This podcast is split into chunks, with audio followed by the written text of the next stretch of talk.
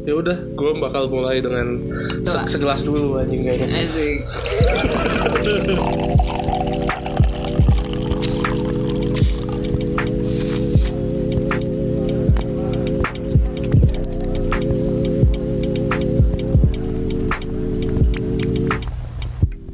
Kembali lagi di The Mabui Podcast. Sobat Sobers disingkat Sosok. Gue Gaza. Gue atik. Gue Ato. dan gua Danis Kita balik lagi nih nge-podcast. Episode 2 Episode 2 nih kita melanjutkan topik yang kemarin gak sih? asmara kisah indahnya. Kan kemarin yang gagal-gagal gak sih? Bener juga. nggak indah ya. Tai-tai. Ya. Bangke-bangke yang kemarin tuh yang tai-tai. Nggak ada bagus-bagusnya yang kemarin ya. Kita sekarang mau ngebahas yang sukses karena Sukses. karena kehidupan itu tidak melulu soal kegagalan aja pasti ada kesuksesan. Dari yang gagal itu kita belajar ya. Dari kegagalan pasti ada sesuatu yang dipelajari. Kita kemarin sudah belajar dari yang gagal sekarang kita belajar dari yang sudah sukses. Ah, yo yo Kita ada yang sudah berhasil nih kisah asmaranya. Ayo, Lulus ayo. ke pelaminan aja.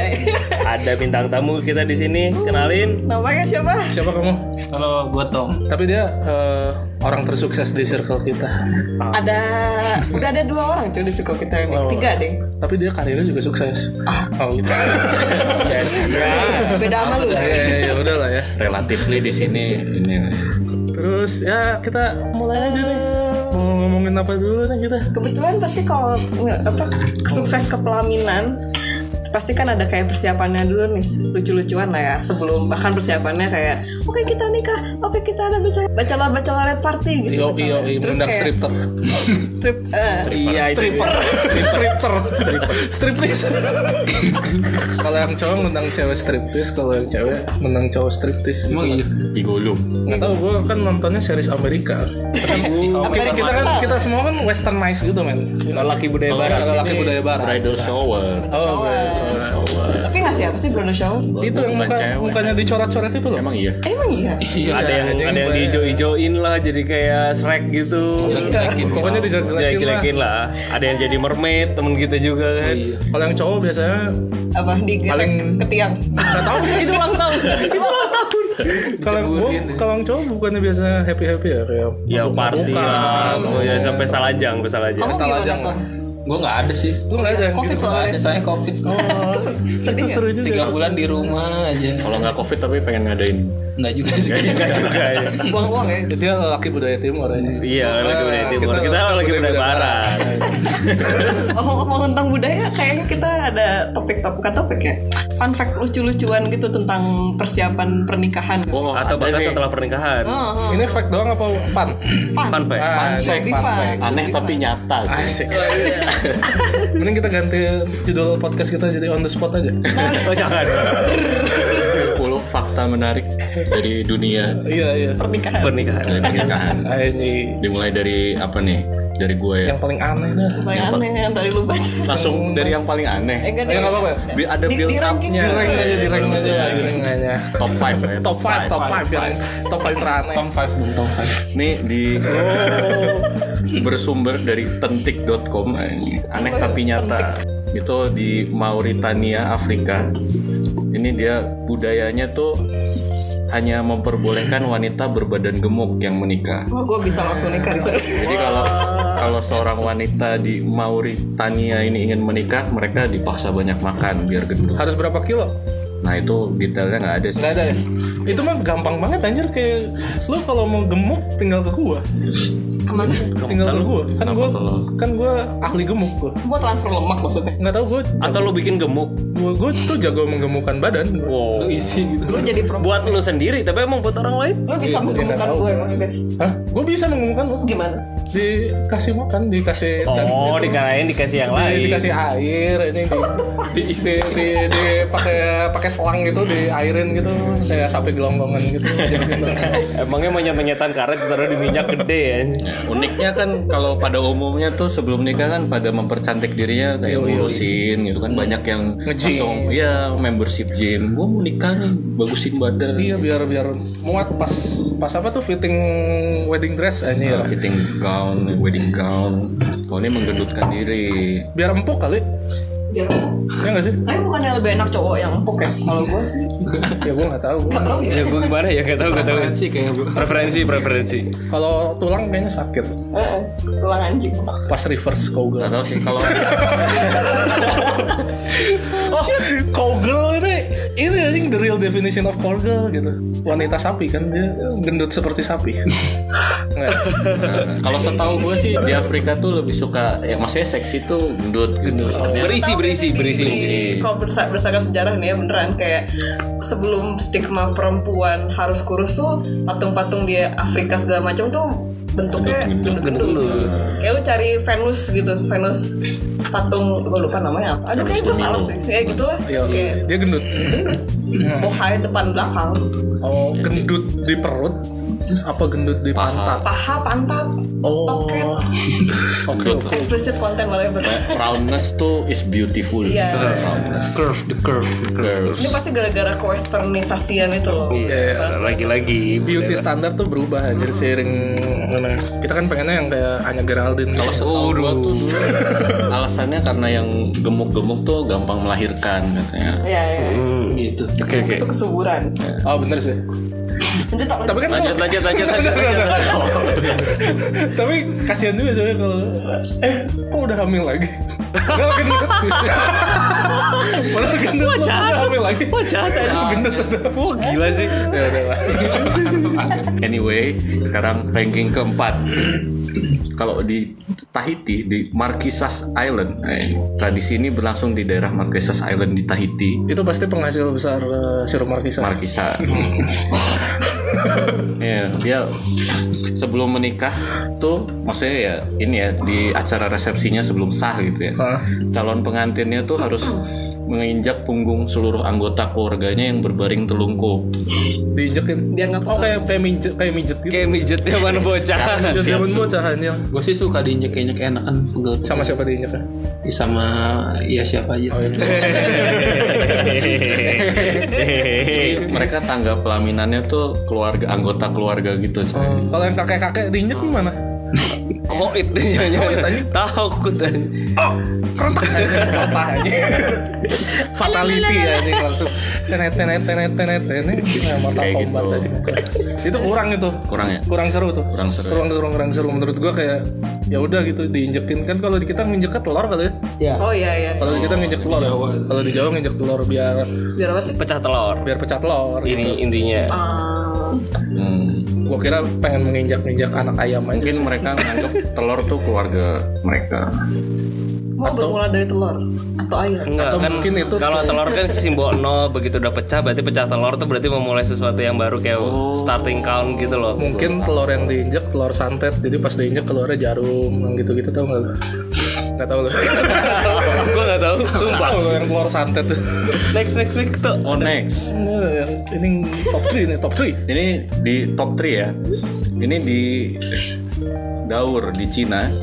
Nama mungkin nama kota kali ya Daur ya. Wuhan kan Bukan. ah, bangsa Daur. Itu mah kejauhan itu guys. ya akhirnya masuk Masuk. masuk kejauhan eh aduh Jadi tuh sebelum mereka mau menentukan tanggal pernikahan, ah, calon pengantinnya tuh harus ngebunuh anak ayam eh dulu. kasihan anjir ini kayak primbon primbon Jawa gitu nggak sih Iya, nentuin nentuin tanggal Primbon Cina. ah feng shui Wah, feng shui oh berarti seksual nggak tahu. nggak tahu Pokoknya singkat gue bacanya bukan Feng Shui aja.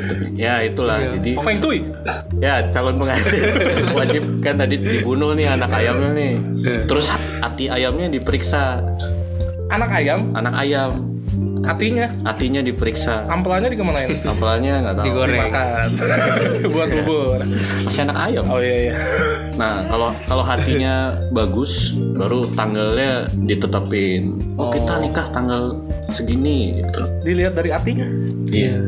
kelihatan tanggal gitu kan Enggak, pertanda aja kayaknya. oh pertanda Oh ini hati bagus nih, baru kita bisa nikah. oh Kalau misalnya hatinya masih jelek, bunuh lagi anak ayam Nentuin berikutnya dulu baru bunuh anak ayam apa gimana? Iya. Bunuh dulu baru nentuin tanggal ngantuin tanggal. Ya, bisa juga. Jadi ada pertanda bagus kalau udah hatinya kelihatan bagus baru bisa nentuin tanggal. Kebalik deh anjir. Kayaknya mendingan nentuin tanggal dulu, terus Iya. baru bunuh ayam. Eh, artinya nggak bagus tahu ya. ya. Ternyata tanggalnya bagus ya udah. Gue gue mikirnya gitu. Ya udah kita undang narasumber dari Wuhan aja sekalian sekarang. Dari Wuhan. Eh dari mana tadi? Dau. daur Oh, dari Daur Cina. Berarti orang-orang Daur itu musuhnya Pemkot Bandung ya. Bandung bagiin anak ayam mereka Oh iya. bunuhin. Aduh. Aduh. Kayaknya istrinya waktu tidur dihantuin sama ayam-ayam yang udah mati anjing anak ayam atau sama ibunya. Anyway. Anyway, lanjut lanjut lanjut. Gitu. apa ya kalau ini gue menemukan bukan tradisi tapi seseorang tuh menikah dengan yang bukan manusia gitu Kunti. nah kan sebelum sebelumnya kita udah banyak mendengar ya kayak ada yang nikah sama Nintendo DS ada yang nikah sama Tetris Di Indonesia ada yang nikah sama genderuwo. sama bantah waifu nggak tahu gue Ada ada yang nah ini mirip nih sama genderuwo nih Tibo anak genderuwo. Oh, ya udah si Tibo. Ya. Kalian cari aja tuh Tibo tuh. Oh, Katanya bukan- anak genderuwo dia. bukan genderuwo ini ini tuh namanya Amanda Sparrow Itu apa? dia nikah sama hantu bajak laut Jack Sparrow. Tapi versi wanita. Bapaknya Jack Sparrow. Bapaknya Jack Sparrow. anjing. makanya jadi Amanda Sparrow kan ntar denger dulu Oh iya iya.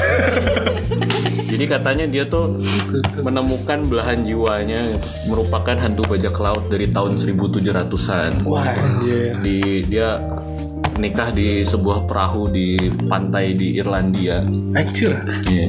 Terus kelihatan nggak fotonya ada nggak? Foto. dia fotonya ada nih tuh dia Nggak ada. fotonya sama bendera bajak laut Wah. Halu kayaknya itu orang. Ya, Kayaknya dia nikahnya dibikini Batam deh. Flying Dutchman. Iya, mau flying Dutchman.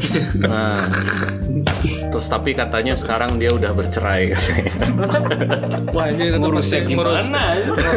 ngurus harta gono gininya susah deh. Uangnya daun semua. bisa bisa bisa. Terakhir. terakhir nih, terakhir, terakhir, Terakhir yang paling paling absurd, paling absurd unik. di ini di Cina lagi nih tapi kotanya nggak tahu di mana Itu gua tahu sih kenapa di Cina banyak yang aneh-aneh gitu. Kenapa? Karena gede aja negaranya. Ya nggak sih?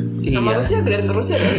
Iya tapi lebih, Lebih padat multi etnik, multi etnis padat nih tradisi pernikahan aneh yang satu ini masih dipraktekkan sampai sekarang katanya Sampai sekarang. sampai sekarang yaitu memukul kemaluan mempelai pria agar kuat di malam pertama Wah, Oh, kita tuh dipukul guys. Itu dipukulnya di batangnya apa di bijinya?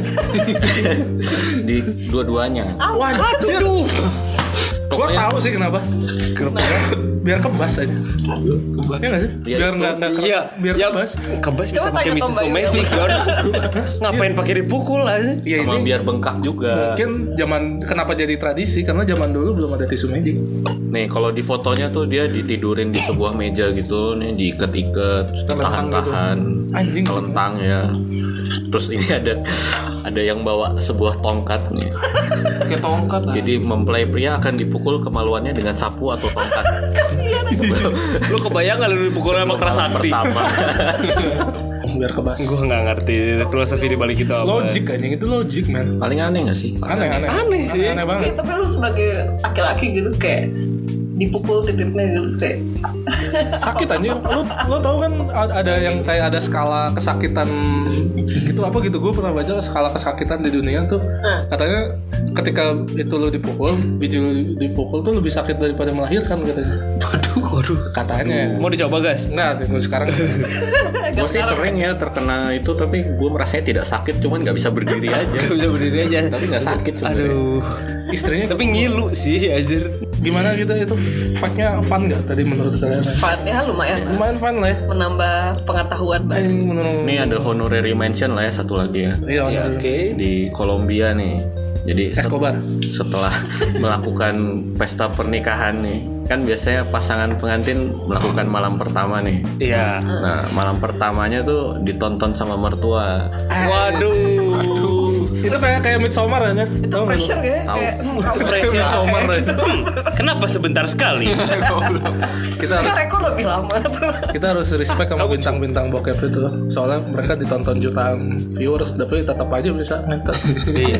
pas acting pasti lebih banyak kayak kayak ditonton lima orang pasti ada kan Iya. Iya, fotografer minimal, fotografer gitu. videografer, Videografer. sutradaranya kayak ayo ayo kurang ayo ayo tapi kan tapi ini scene ini bakal mengingatkan gue dengan scene Midsommar itu sih yang tahu yang yang gua gak nonton Iya, takut iya. gue Gua itu Tahu, tahu. tahu lah yang dinyanyi nyanyiin juga ya. itu kan tadi di Kolombia ya di Singapura tuh ada hal yang sama tapi waktu itu ada kasus di videoin sama omnya Buset. jadi tersebar di dunia maya coy Semprot ya. terus dihujat netizen Semprot telat X kali. Ah, gila. dihujat netizen gue nggak tahu sih hujatannya apa tapi kayak oh itu kurang cupu lu oh iya serius? Waduh. Hujat dong, ayo Gua ampun. dihujat om ya bukan om Kenapa ngehujat manusia? Itu dasar manusia. Dasar netizen emang netizen netizen. Ibu cari netizen. Untung sobat-sobat nggak kayak gitu ya. eh amin Mudah-mudahan enggak kayak gitu. Nggak. Untuk 40 pendengar kita. kayaknya cukup ya Iya, iya. Iya nih. Terus terus. tadi persiapan eh, nikah yang aneh-aneh nih ya mungkin sekarang ke persiapan nikah yang gak aneh tapi Untung kita ada ya. ma- master of ini nih, master of persiapan pernikahan nih. alias wedding organizer Wih, eh, organizer organizer loh. Dani sih udah hatam kali. Wah, Ah, hatam kali nih organizer nih. Ya gimana ya? Kalau misalkan pernikahan itu kan yang pasti disiapin pertama eh, planning dulu kan. Maksudnya lu mau konsepnya gimana? Tapi menurut ya maksudnya pengalaman gua kalau misalkan selalu ngasih tahu ke orang tuh kalau eh, tentuin dulu jumlah undangan kan gitu. Ya maksudnya konsep konsep dulu apa sama konsep eh, pernikahannya. Mau adat atau mau eh, internasional atau mau nasional biasa gitu. Terus habis itu Interlokal. kumaha? Saja aja saja aja. Gimana Terus habis itu ya udah habis itu jumlah undangan dulu. Itu tuh buat nentuin tempat buat nentuin konsep dekor segala macam gitu kan. Terus baru masuk ke aspek eh, vendor-vendor yang lain lah gitu. Fotografi dan gitu-gitu segala macam gitu. Habis itu eh, pengalaman gue sih macam-macam ya gitu. Ada satu cerita unik ya. Konsepnya adalah mau Chinese wedding gitu ya padahal si Wuhan bukan? Bukan sih. Oh, kenapa Lu kayaknya antipati banget sama Wuhan. Nggak apa-apa, gue lagi sensitif aja sama kata Wuhan gitu. Ya itu kalau- kalau konsepnya Chinese wedding itu kan biasanya kalau memang benar-benar adat itu ada barongsai ada segala macam gitu ya, ada tipai segala macam. Padahal sih si pengantinnya sendiri malah justru eh, yang pengen gitu ya, sedangkan orang tuanya sendiri udahlah nggak usah terlalu lengkap-lengkap kayak gitu. Padahal si pengantinnya sendiri tipe orangnya yang sebenarnya santai gitu ya, maksudnya yang ya anak gaul lah kasarnya orang di DJ segala macam gitu. Tapi dia malah pengen pita barongsai gitu, lama kan gitu ya. Proses Prosesnya pakai house music Iya bisa jadi sih itu. Apa orang saya nge-DJ? Terus turntable ada di atas gitu. Kecil gitu aja kayaknya lucu banget sih. Jago sih aja. DJ bareng saya. sambil sambil naik naik gitu kan Sampai naik-naik terus habis sampai pada put your hands up in the air gitu. Canggih sih anjing gitu. tangannya banyak kan barang saya Iya, turntable harus banyak ya. Musuhnya DJ Butterfly. Ya itu tuh jadi eh, persiapannya segala macam akhirnya nggak nggak jadilah pakai barongsai gitu karena prosesinya lama. Nah Harus latihan dulu nggak sih? kan bukan barongsai bukan dianya kan sewa dong sewa barongsai dong masa pengantinnya yang di dalam Iya, panas kali bos. Mungkin, aja. Terus itu eh, ternyata kan memang prosesinya lama ya gitu. Kita balik lagi habis itu kita mempersiapkan supaya ini rundown padat gitu segala macem. Ternyata ada satu faktor lagi ini ada satu daerah gitu ya waktu itu di suatu daerah di Indonesia. Itu tuh gue nggak tahu gimana ceritanya ya maksudnya emang budayanya mereka atau gimana. Itu tuh nggak pernah mau eh, nunggu kasarnya prosesi gitu prosesi pernikahan. Jadi kasarnya masih ada prosesi. Itu tuh orang-orang udah ngantri di depannya stall-stall makanan gitu ya. Terus habis itu ngambil piring terus dibunyiin cong. Itu kali buat ini background buat barongsai. ya enggak karena nggak jadi ada barongsai. Jadi ada barongsai itu nggak jadi ada barongsai Oh, cong. masih sebenarnya bukan nunggu makanan, nunggu barongsai. Iya, Oh iya bisa jadi. surprise surprise ya. Tapi tapi kita juga langsung yang kayak ya hijir ini acara masih masih berjalan gitu ya. Prosesi masih ada belum belum boleh belum dibuka gitu ya makanan. Mereka tuh udah nunggu gitu kayak ya anjir gimana ya? Gitu kan. Ya tapi udah bunyi terus lagi gitu kan. Jadi flownya berantakan gitu kayak ayo udahlah gitu.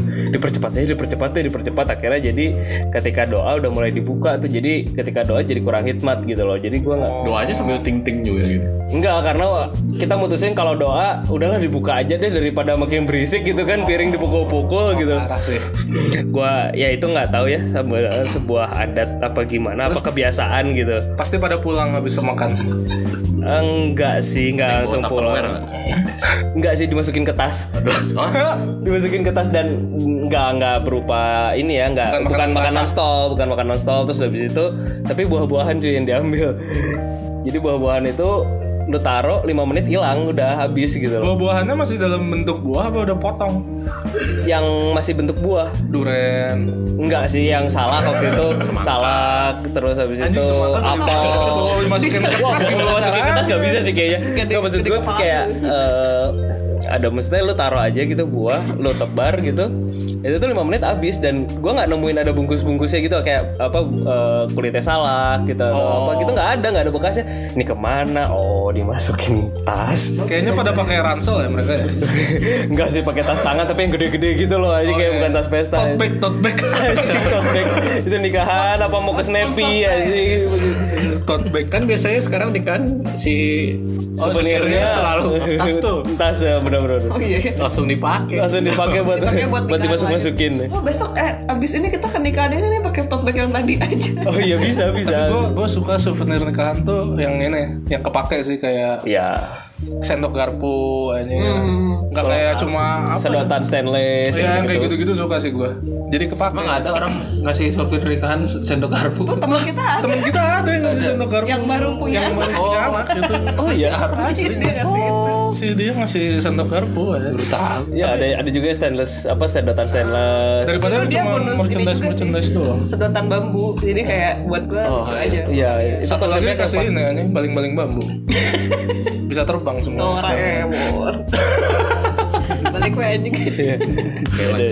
Terus itu sih paling ya kalau misalnya itu kembali lagi kan pernikahan itu Tapi- eh, selalu menggabungkan dua keluarga lah ya. Jadi fungsinya WO itu kan untuk untuk nge iniin untuk untuk menyatuin lah gitu konsep-konsep yang kemauan-kemauan dari dua keluarga sih itu sih.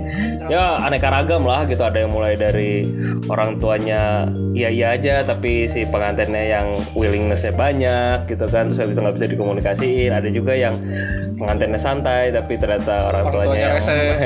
ya mau dibilang rese sih enggak ya gitu. Cuman eh, apa namanya ya mungkin emang emang ya dia yang punya duit juga sih gitu jadi merasa Kan ini once in a lifetime gitu gak sih? iya Kecuali lo siapa yang Kecuali lu Ross yang dari Friends. Nah, enggak enggak Dewi Persik juga nikah cerai nikah cerai. ya paling gitu sih maksudnya eh, persiapan tuh kan aneka ragam ya gitu perjalanannya ada yang susah ada yang gampang gitu kan ada yang udah beberapa hari sebelum hari H berubah banyak ada gitu Ada kan yang udah deket hari H gagal nggak? Nggak jadi. gue pernah dengar untung gue gue, gue belum pernah ngehandle yang kayak gitu. Cuman ada cerita itu di di satu kota gitu apa kota besar gitu. Itu tuh beberapa hari sebelum tuh mereka memutuskan untuk membatalkan pertunangan Wah, gedung udah dibayar DP udah pada masuk dong ke vendor vendor ya nggak tahu akhirnya jadi si WO nya menjual paket mungkin itu ini si mem menant ini mempelai prianya nggak mau dipukulin alat kemaluannya kayak. ya mungkin bisa jadi Ampun ampun. Atau dia nggak nemuin hati anak ayam yang bagus. Kayak tadi di iya Kan di Cina.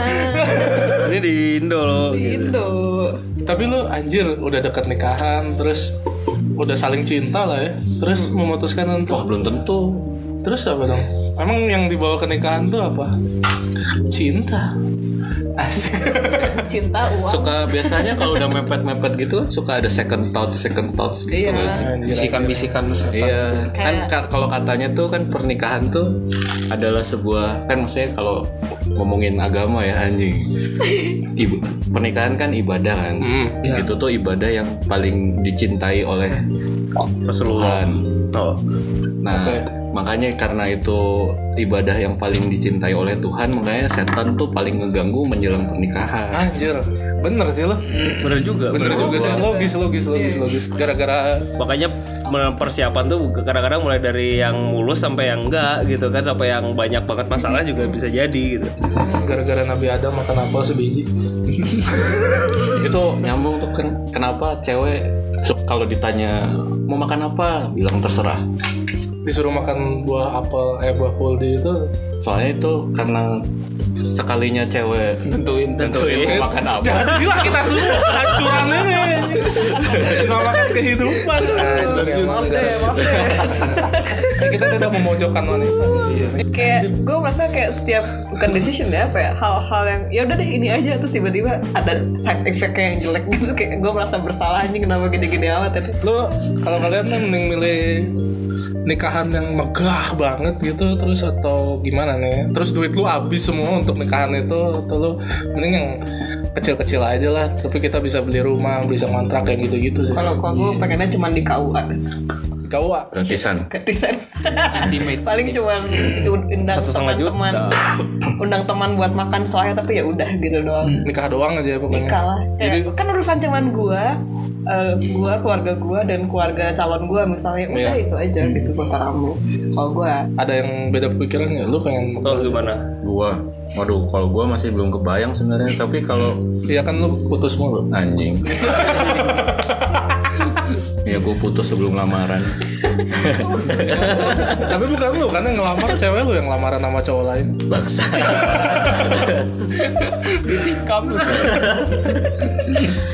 kalau gua pribadi gue pengennya nikahnya masih ada resepsi lah ya. Ya cuman nggak nggak megah-megah banget. Gue ngundang teman-teman gue gitu. Ya gue berbagi inilah share kebahagiaan sama teman-teman gue gitu kan nggak megah-megah banget lah ini nggak megah-megah banget. Karena ya gue juga berbahagia lihat teman-teman gue di hari bahagia gue gitu kan. Cuman kalau keluarga gue sih pasti maunya gede.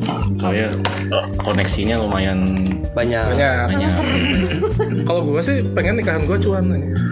Jadi gimana caranya eh, uang salam tempel gue Jauh lebih lebih banyak, banyak. daripada pengeluaran pengeluaran. Nah, ini itu gue nggak tahu gimana caranya. Pokoknya gue pengen uang salam tempel gue lebih banyak daripada pengeluaran. Biar balik modal. Anjir. jadi sebuah investment ya. Sebuah investment. kita, ini kan kita pengikut Juska semua. aduh kemarin kasus saya. Dirame kalau kamu gimana nih. Kalau gue sih pengen gue selalu dari dulu emang udah punya plotting untuk ya udah kalau gue pernikahan itu ada porsinya tersendiri gitu loh. Maksain jangan sampai gitu. Megah sih ya ya secukupnya lah gitu nggak megah-megah yang Secukupnya Hindia. Oke iya iya Pokoknya intinya adalah secukupnya eh, ya cukup cukup proper lah yang penting eh, tamu undangan nyaman gitu.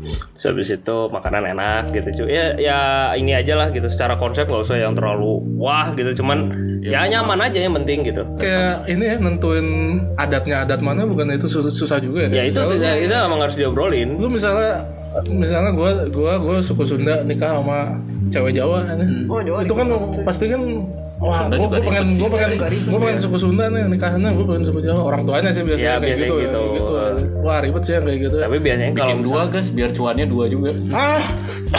Double invest anjir. Double investment bener. double double. Itu juga double juga coba guys uh, WO lu bikin ini apa konsep yang cuan juga. Jadi gue pengen nikahan gue cuan anjing gitu. Wah, gue nggak tahu ya maksudnya kalau misalkan itu kan kembali lagi eh, kalau misalkan menurut adat sih sebenarnya jangan sampai berharap pada salam tempel ya gitu. itu adat mana? Gue gue gue sih ikut adat kapitalisme. Tapi ada kan di dulu kakak gue waktu nikah kan keluarga gue Jawa terus ipar gue keluarganya Padang Minang Nah, ini nih, Itu- ini, itu yang paling ini, susah. ini ribet nih. Itu yang paling susah. Ngikut mana nih? Jadi nah jadinya ada dua oh nikahannya dua kali. dua kali Resepsinya ya maksudnya. Ah, ah. Unduh mantu itu. ada yang sekali sekali yang pertama tuh yang adat Jawa tapi nggak full adat sih maksudnya ya yang Jawa maksudnya nggak bukan adat Padang ya itu di Bandung terus habis itu ke Padang. Bukit Tinggi Hmm. Pakai adat Minangnya. Ya, karena la- laki-laki eh, Minang itu juga punya adat yang justru yang pegang pegang kasarnya pegang konsep itu yang laki-laki Eh, dari keluarga laki lah masyarakat patriarki masyarakat patriarki. Terus habis itu kalau yang kalau Jawa Sunda itu biasanya adatnya adat perempuan yang lebih megang gitu loh. Jadi biasanya uh, adat yang diikutin adat yang perempuan. Tapi itu kan lagi-lagi bisa dinego sebenarnya. Gitu. Tapi tahu nggak lo yang paling susah beda suku mah masih oke lah masih bisa. Yang beda yang susah lagi apa tahu nggak? Beda agama. Beda agama. Beda keyakinan beda juga. keyakinan. Nah ini itu paling susah deh kayaknya. Hmm. Itu diakui nggak? Lu sih? yakin dia mau, dia nggak yakin lu mau. Beda keyakinan. Waduh, maksudnya Enggak maksud gue yang satu assalamualaikum, yang satu shalom. Ya itu emang LDR paling jauh sih. udah udah udah bay aja sih menurut gue. Tapi ada kok. Ya. Banyak, banyak yang kayak gitu banyak. Tapi nggak diakui oleh negara kita nggak sih yang kayak gitu ya? Nggak bisa ya? Salah satu harus pindah. Hmm. Kan catatan sipilnya juga harus ngikutin ini agama. Kalau nggak lo nikah di luar negeri, Iya. Ya bisa. bisa ya? Salah satu solusinya gitu. Kan kita tadi ngomongin duit buat nikahan kan Iya. ada yang mau megah, kayak ada yang mau atik ini. Nah sekarang kayaknya enak nih nikah nikah di masa-masa ini nih. Nah, masa-masa masa covid, Covid nih. nih, ya. Kayaknya murah semua gak sih? Ya, Nikah- gimana nih paling pengalaman? Nikah cuma lewat zoom, anjing cuma cuma penghulu, cowok, cewek, udah anjing lu nikah. Nih harap dicatat yang mau nikah tahun ini. Nih, nih, nih. Bisa nih memanfaatkan momen. memanfaatkan momen ya anjir. lu pengen nikah murah sekarang anjir lu Nih, sekarang bintang tamu kita bakal ngejelasin proses-proses pernikahan kita, eh pernikahan dia itu tuh gimana prosesnya, terus habis itu eh, berjalannya di tengah covid kayak gini, gimana nih plus minusnya, terus senang-senangnya gimana atau sedihnya gimana? Silakan, Background, silakan. ada ada ada background sedikit nih. Ini ini LDRannya 2 tahun anjing. Wah gila men LDRan 2 tahun. Satu di Belanda, satu, di Indonesia. Iya, anjing. Udah LDR, kondisinya menikah dengan kondisi covid, Covid. Kayak gini. Wah, gila. Pengalamannya lengkap nih, silakan. Iya Tuh. sebenarnya hubungan gue bahkan lebih banyak LDR daripada deket-deketan. Waduh, keren keren terus lu gimana? Terus lu eh, gimana pas LDR tuh lu pacarannya tuh gimana lewat Zoom gitu juga? Nggak tahu sih sekarang nggak tahu ya kayak jalan aja gitu bisa. Soalnya kan beruntung aja gue masih ada video call gitu-gitu kan. Tapi ya beruntung lah apa maksudnya teknologi gini-gini kan kayak bisa video call itu udah bantu banget sih. Video call pasti di kamar masing-masing. Iya lah masa di mana ya? Kamar mandi. Oh, di kamar mandi. Ngapain kamar mandi? Tipis. Tipis. di kasur nggak video call? Iya kan sambil tiduran. Gitu. Nah, Lah emang Terus gimana nih persiapannya waktu itu? uh, pakai baju nggak video callannya? Eh, eh, Oh iya, iya, sorry. Masih bos. off the record ya teh. Iya, Gimana gimana persiapannya? Kalau ngomongin persiapan sih, gue sebenarnya termasuk beruntung ya. Jadi gue kan nikah tuh bulan Juni gitu. Nah, Baru nih. Iya baru banget baru fresh from the oven. baru baru dua minggu bener gue nikah. nah tapi semisalkan gue ngerencanain tuh bulan April gitu, pasti gue udah bakal habis duit banyak gitu. Soalnya kan gue kan emang rencana awalnya kan udah ada resepsi juga kan. Hmm. Nah kalau saya karena gue nikahnya bulan Juni, gue masih bisa ada waktu sebulan lah untuk desain dari bulan Mei gitu kan. Jadi ngasih tahu ke vendor-vendornya bahwa gue bakal cancel, bakal ngadain kayak cuma akad doang gitu kan. Hmm. Jadi karena gue bulan Juni itu gue jadi ada waktu untuk uh, Cancel-cancel. ya cancel-cancel. Tapi lu udah DP? udah udah DP. Tapi coba bayangin misalkan gue rencana bulan April gitu kan, artinya gue uh, keputusan kan harus bulan Maret kan. Iya. Dan Maret kan kayaknya masih ada Aman, aja aman. kan sini. Jadi ya Gara-gara si menteri itu. yang katanya yang perlu pakai masker yang sakit aja. Dulu, kan itu udah dulu. marah-marah udah ntar aja.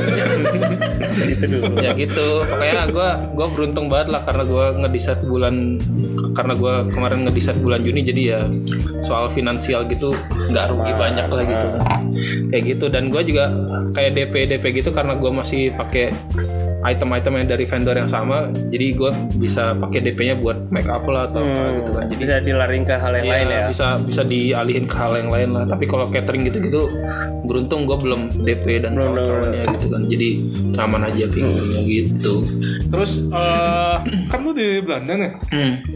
Berarti yang ngurus-ngurusnya si pacar lu semua nih. Iya banyaknya sih. Jadi lu cuma ini aja ngeluarin duit. Ah, ya itu iya. sumbangan lah. Sumbangan duit doang. Ngirim-ngirim doang transfer-transfer ini Nggak pakai ya. Genius. Kok gue ngeliat Genius mulu. Dua kali loh. promosi. Hari ini gratis besok bayar Iya, ya. hari ini gratis dua kali loh. Tapi nggak tahu ya kayak gue lihat sih kayak cewek-cewek tuh lebih antusias gitu nggak sih biasanya kayak ngeliat di Instagram tuh vendor ini udah tahu vendor apa Iya, misalnya iya. vendor makeup tuh ini misalnya vendor Udah punya pilihan lah iya ya. udah banyak pilihan gitu jadi ya gue Oh lo belum sempet datang ke pameran belum tapi ya kayak Karena calon browsing, istri lo waktu itu ketika itu udah milihin vendor-vendornya ya, iya, dia, udah tahu. dia udah banyak referensi juga gitu dari Instagram lah dari mana dari Jadi dulu terima jadi ya, ya kasarnya. Gua sih Terima bayar dia. Oh iya, terima Rasa bayar. Mas aja. segini, oke. Cacing. ya, gue sih senang-senang aja kan nah, hasilnya juga pasti bagus-bagus juga kan Ya, karena sesuai dengan pilihannya. Lu waktu nyiapin nikahan emang gak ada clash gitu ya sama Nah, iya, lu ya? Bukannya pasti Jarak tuh pasti pengaruh loh dengan dengan koordinasinya. kalau ya ada aja sih kayak berantem apa ya terutama waktu itu ngadain resepsi kan kayak tamunya berapa banyak nih masa si ini diundang si itu enggak gitu Nah, itu serius lu. pasti pasti pasti nentuin undangan tuh emang gak gampang. Tapi kan undangan. sama pacar lu satu circle aja. Satu Pasti circle. temennya itu-itu lagi. iya tapi kan ada juga yang dari orang tua gitu gitu kan lumayan Aing, ya. Aing diundang tuh. Bacot. tapi kalau ngomongin undangan sih gue juga nyambung ke pertanyaan yang sebelumnya tadi gue juga sebenarnya lebih pengen ke yang intimate gitu sih Ya, Oh, yang yang, sedikit, yang yang sedikit. Iya, jadi paling nggak yang keluarga keluarga doang yang datang terus sama teman-teman dekat gitu.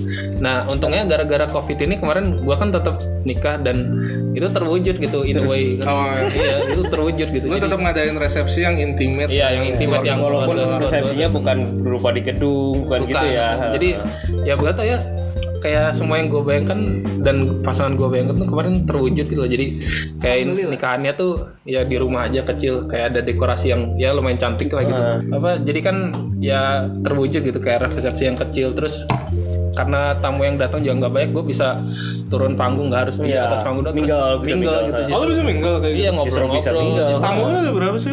paling cuma seratusan gitu tapi ya, ya lumayan banyak sih sebenarnya tapi itu tuh gua spread ke 5 jam gitu jadi 5 jam per jamnya tuh cuma 30 orang maksimal yang bisa Oh lu masih ngikuti Protokol kesehatan. Iya, kayak gitu. Capek nggak Tom? Hmm?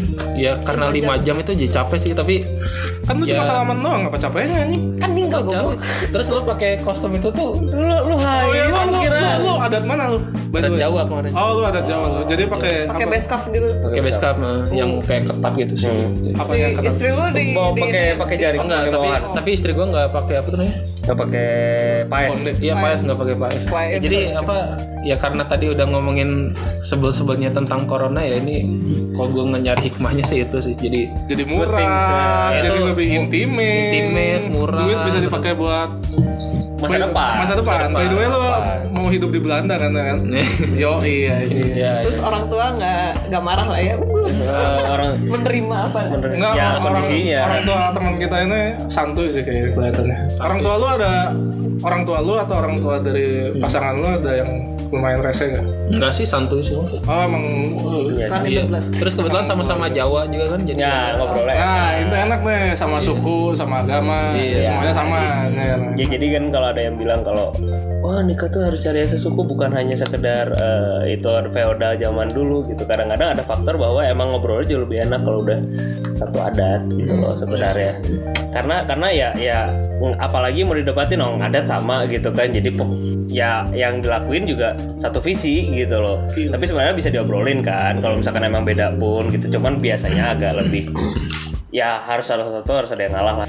Oh, itu gimana perjalanan dari Belanda ke Iya Indonesia? lu protokol kesehatan lu kan Iya. anjing kan Ya lu kan kondisinya dari Belanda terus tuh Belanda kan negara covid juga enggak ya? Ya waktu pas Agak berangkat tinggi, lumayan ya. tinggi sih di Lumayan atas tinggi, Indonesia waktu lu itu balik ke 30 Indonesia kapan lu? Gue Mei. balik ke Indonesia tuh akhir Mei, Akhir tanggal 20-an Mei kok. Lu protokol kesehatan lu berarti gimana tuh? Iya, jadi sebenarnya dari pas di Belanda gue udah ketar-ketir sih kayak bisa pulang nggak ya gitu. Bisa Nah pulang nggak ya? bisa pulang nggak ya bisa nikah nggak ya? itu salah satu pantangan pertama sih kayak aduh penerbangan di cancel semua gitu kan Hmm. jadi asalnya Garuda tuh terbang tujuh kali seminggu jadi cuma sekali seminggu kemarin tuh Hmm. jadi kayak penerbangan banyak yang di cancel semua lah itu salah salah satu pantangan pertama itu gue bisa pulang gak ini gitu. Nah, terus nah habis itu setelah gue dapat confirm akhirnya akhirnya si Garuda terbang seminggu sekali kan. Akhirnya gue dapet lah booking tiket itu akhirnya gue bisa lah pulang. Nah tapi ada gosip-gosip gue harus ngelampirin mm, tes PCR nih. Hmm, kalau misalnya gue nggak ngelampirin tes PCR gue harus Karantina. datang ke Indonesia harus tes PCR lagi tapi di Wisma Atlet gitu kan nah akhirnya gue harus Kenapa lu nggak di Belanda aja tes PCR?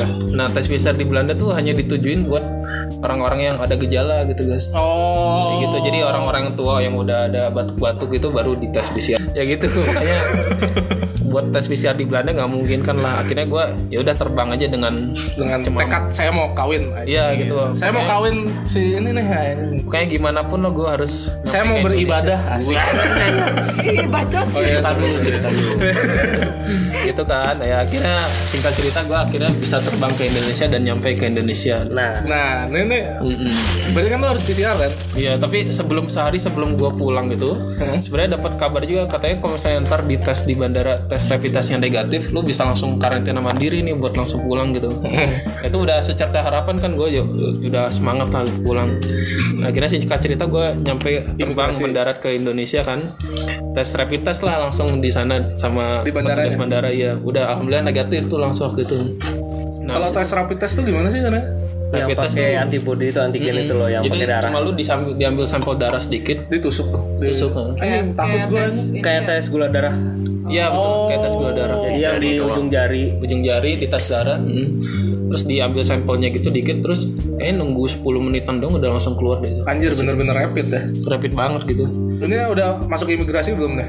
Udah udah masuk Oh, udah imigrasi. masuk imigrasi. Oke. Iya jadi habis itu kan udah negatif kan, terus eh, kat- pas gua masuk ke imigrasi eh, sama si petugas apa yang ngecap-ngecap itu Ya. Kata Petugas kata- imigrasi namanya. Oh, iya. Ya, Masa petugas ngecap aja? Tukang cap. ya sama si tukang cap itu dibilang. Itu mah tukang stempel mah di toko itu. Banyak aja tukang stempel. Aduh Bu. yes. Iya artinya sama si tukang cap itu dibilang. Dibilang mas karena mas nggak ngelampirin tes PCR walaupun hasil tes rapid test mas negatif mas tetap harus ke wisma atlet. Pokoknya ke tempat ke fasilitas kar- karantina dia bilang gitu. Wah. Soalnya si rapid test itu kan dibilang nggak terlalu, akurat kan ya. ya. jadi harus tetap tes PCR, gitu. Waduh gua udah lemes banget tuh udah ketar ketir lah. Aduh gua gua di harus ke wisma atlet lah gimana gitu. Males kan di wisma males banget kan malah takutnya Ya, terpapar gitu-gitu. Ya maksudnya kan tetap aja itu sarangnya gitu kasarnya Ya, orang-orang itu yang di isolasi. iya gitu. Jadi ya lah gue sambil udah campur aduk gitu kan hati gue terus gue akhirnya ngambil koper lah keluar digiring gitu ada gugus tugas gitu sama tentara-tentara gitu. Bawa senapan nggak? Enggak enggak bawa senapan. Oh. Nyantai banget tentaranya jadi ya dikasih tahu. pistol pengukur suhu. oh iya iya iya. Tapi bentuknya senapan anjing. Lagi panjang. Kan Bentuknya panjang. Pas Tiger bunyi tit bang Terus habis itu pas lagi mau ditembak gitu kepalanya menghindar. Eh, eh, eh, eh, gak kena, eh, gak kena. Mas, mas, mas, mas, tolong mas. lu digiring tentara nih iya digiring tentara gue nih rombongan banyak gitu dari Belanda Rombongan semua. gitu dari Belanda gue digabung sama banyak lah pokoknya itu terus Terus itu gue digiring kan, pas keluar bandara, anehnya tuh penggiringan itu nggak ketat gitu, oh santuy santai banget. Jadi ya udahlah gue gua ngeliat kan udah udah ada bis berjejer gitu ya udah gue sambil coba nelpon orang tua kan ngabarin udah nyampe gitu gitu. Akhirnya gue sosok sibuk ya karena si penjagaan itu nggak ketat gue sambil terus saya nelpon gitu kan. Akhirnya gue jalan gitu agak melipir ke pinggir. melipir ke pinggir Iya. oke Saya penjaga penjagaan itu aneh banget nggak ketat banget coy. Padahal padahal gue apa digiring demi gitu. nikahan dia melakukan ini loh. Biasanya biasanya Tom nih Orangnya lurus-lurus aja. Iya aja lurus-lurus aja sih. Gue gue kaget dia. Berani melanggar aturan. Ya, tapi gue melipir kan ke pinggir kan. Tapi itu gue belum lolos soalnya gue masih takut kan. Gue bawa koper gede kan. Kalau misalnya gue kabur kan ketahuan kan gitu. Nah akhirnya Tembak gue pakai itu. Termometer itu tadi. iya gue takut kan. Akhirnya gue duduk lah di tiang gitu. Sambil tetap sibuk sosok sibuk gitu. Akhirnya gue lama-lama melipir pinggir gitu. Menjauh dari Desain-desain rombongan menjahit. itu lah. Intinya. akhirnya gue di balik tiang nah sambil nelpon nelpon tetap sibuk gitu tau tau gue disamperin sopir taksi ini Oh, terus Iya, disamperin sopir taksi terus dibilangin mas kalau misalnya mau kabur sekarang mas kata dia gitu Gua udah Anjir. Kayak, kayak film action ya itu. Iya. selain selain kelelawar yang harus diterima kasih sama Tom tuh ternyata harus terima kasih ke supir taksi yang ini. Dia ngasih tahu. Iya terus eh, si tur supir taksinya bilang Mas mau ke mana sih? Gue bilang aja mau ke ke daerah inilah ke rumah cewek gue gitu kan. Ah. Nah, gue nggak kepikiran lagi ke Jakarta daerah mana yang gue bisa kunjungin ya udah gue. Padahal ke kosan gua ya. Iya bisa juga. Lo masih di Jakarta? Masih deh. Oh, waktu itu gua lagi di Bandung. Gimana sih? Tapi kan kunci gua tinggal di kosan. Oh iya bisa. buka aja. Ya akhirnya udahlah gampang lah ke situ. Ntar biayanya pakai argo aja kata masnya gitu. Oh iya deh pak. Terus sama dia langsung diambil koper gue digiring ke tempat taksi itu. Terus gue dengan santainya jalannya nyebrang jalan. Nah nyebrang jalan tuh sebenarnya diliatin apa Tentara yang tadi. Ya masih dalam jarak pandang tentara lah gitu tapi ya gue nggak ngeliat ke arah tentara juga apa percaya diri aja gue Ya udah pede aja gitu. Pede dengan. Iya ya udah gue langsung akhirnya ke daerah full taksi itu iya ke full taksi itu, terus si bapaknya datang naik taksi Terus gue cabut lu. Cabut Lu, nggak jadi masuk Wisma Atlet. gak jadi masuk ke atlet gue Tapi nih, Hmm. itu kan lu melanggar pro- protokol kesehatan nih. iya nah Sebenarnya lu sehat ya nih. ya gue gue juga sebenarnya masih agak-agak aduh gimana ya kalau misalnya gue kena gitu sebenarnya kan gitu jadi akhirnya supaya menenangkan hati gue gue besoknya langsung tes PCR besoknya. Positif. PCR enggak negatif Oh, buat pendengar-pendengar Tom udah negatif ya. iya jadi ya setidaknya gue dengan walaupun gue melipir gitu ya gue tetap melakukan apa prosedur yang dilakukan di wisma atlet lah gitu. Meskipun terlambat. Iya meskipun terlambat tapi dia PCR. Daripada bentuknya negatif gitu. lebih gede resikonya dia masuk ke Wisma Atlet gitu. menurut gue sih gitu sih. Kayak terus nggak tahu ya deket dengar dengar gosip gitu dari apa diaspora di Belanda katanya ada juga beberapa yang yang pulang beberapa minggu sebelumnya tuh terus begitu nyampe Wisma Atlet tuh katanya udah ngurang dikit gitu yang harusnya yang harusnya mendarat langsung ke Wisma Atlet tuh udah pada kabur semua Oh udah pada kabur ya. Iya, jadi ya. Akhirnya ya lu gua Tapi berarti per- proses pernikahan ini mulus lah ya. mulus lah ya. ya lumayan sih itu lumayan tantangan juga Tantangan, tapi ya alhamdulillah bisa dijalani dengan Iya, baik ya. Tapi lu maksud lu kan kita kan nggak datang nih ke nikahan dia. Iya. Kita lewat virtual doang lu ada ada Iya sebenarnya kemarin sedikit ada yang disesalkan kali ya. Iya mungkin yang bikin apa sedih dikit ya keluarga datang semua alhamdulillah tapi ya gak ada teman-temannya itu kurang. Tadinya gua mau datang. ya udah harus pakai. Kebetulan dari Bandung nggak bisa. iya gak apa-apa. Iya. Santai aja kan Kita ada di- kondisinya juga ya ya memang mau nggak mau dimaklumin sih sama Iya, sama iya. Ini kita ada salam tempel nih. eh bohong bohong. Gak kelihatan juga kan bener apa enggaknya. ya. Kita ada salam tempel nih. Hashtag Tom Bayu. Udah semua virtual.